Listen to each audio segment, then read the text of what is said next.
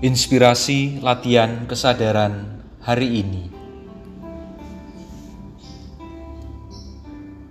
Aku dan dirimu tak terpisahkan dari pengalaman rasa malu. Aneka momen peristiwa pernah terjadi dan menyisakan rasa malu yang mungkin hingga sekarang masih sulit dilupakan. Situasi lain ialah merasa diri gengsi bila harus menggunakan barang tertentu atau melakukan hal tertentu, ataupun diperlakukan dengan cara tertentu. Aku dan dirimu dapat bertanya pada kesadaran diri ini Ada orang yang dengan gembira dan leluasa melakukan aksi tertentu. Tetapi jikalau aku yang harus melakukannya, ah, nanti dulu. Ada orang yang dengan santai mengenakan ataupun tidak mengenakan aksesoris dalam penampilan. Tetapi ada pula yang merasa lebih percaya diri jika mengenakan aksesoris tertentu ataupun ternama.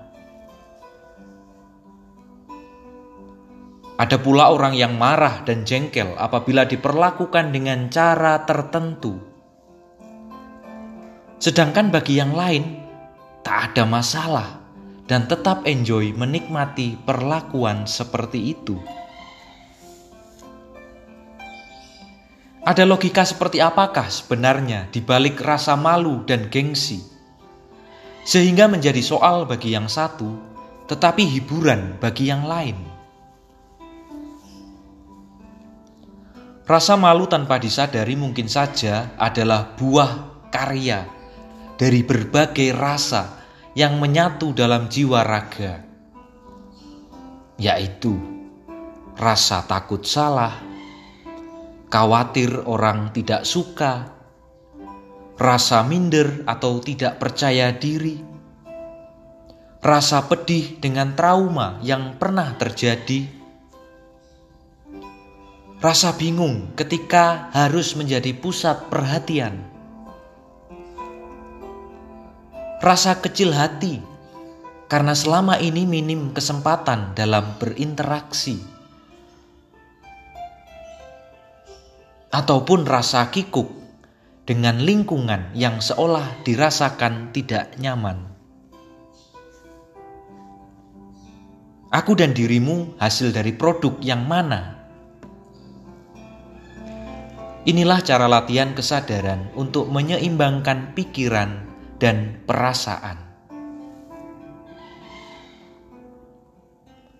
Logika rasa malu menyadarkan aku dan dirimu tentang realita hidup di dunia. Tak ada kebenaran tanpa tahu kesalahan.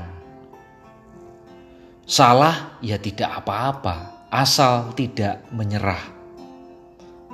Salah tidak masalah, selagi ada waktu untuk berubah.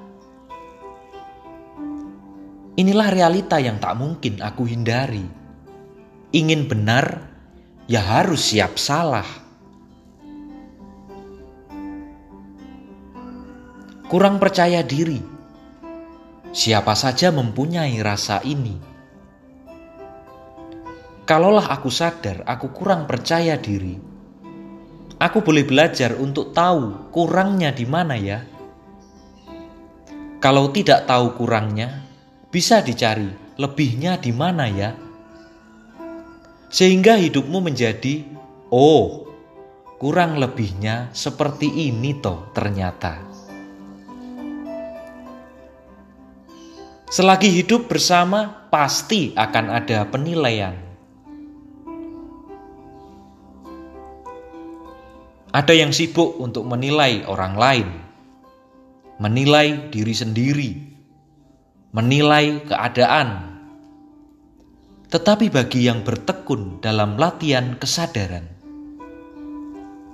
belajar menikmati keadaan, menerima kenyataan, mengurangi penilaian, bisa menjadi latihan sederhana untuk melihat, menemukan, dan menikmati sisi lain dari kehidupan.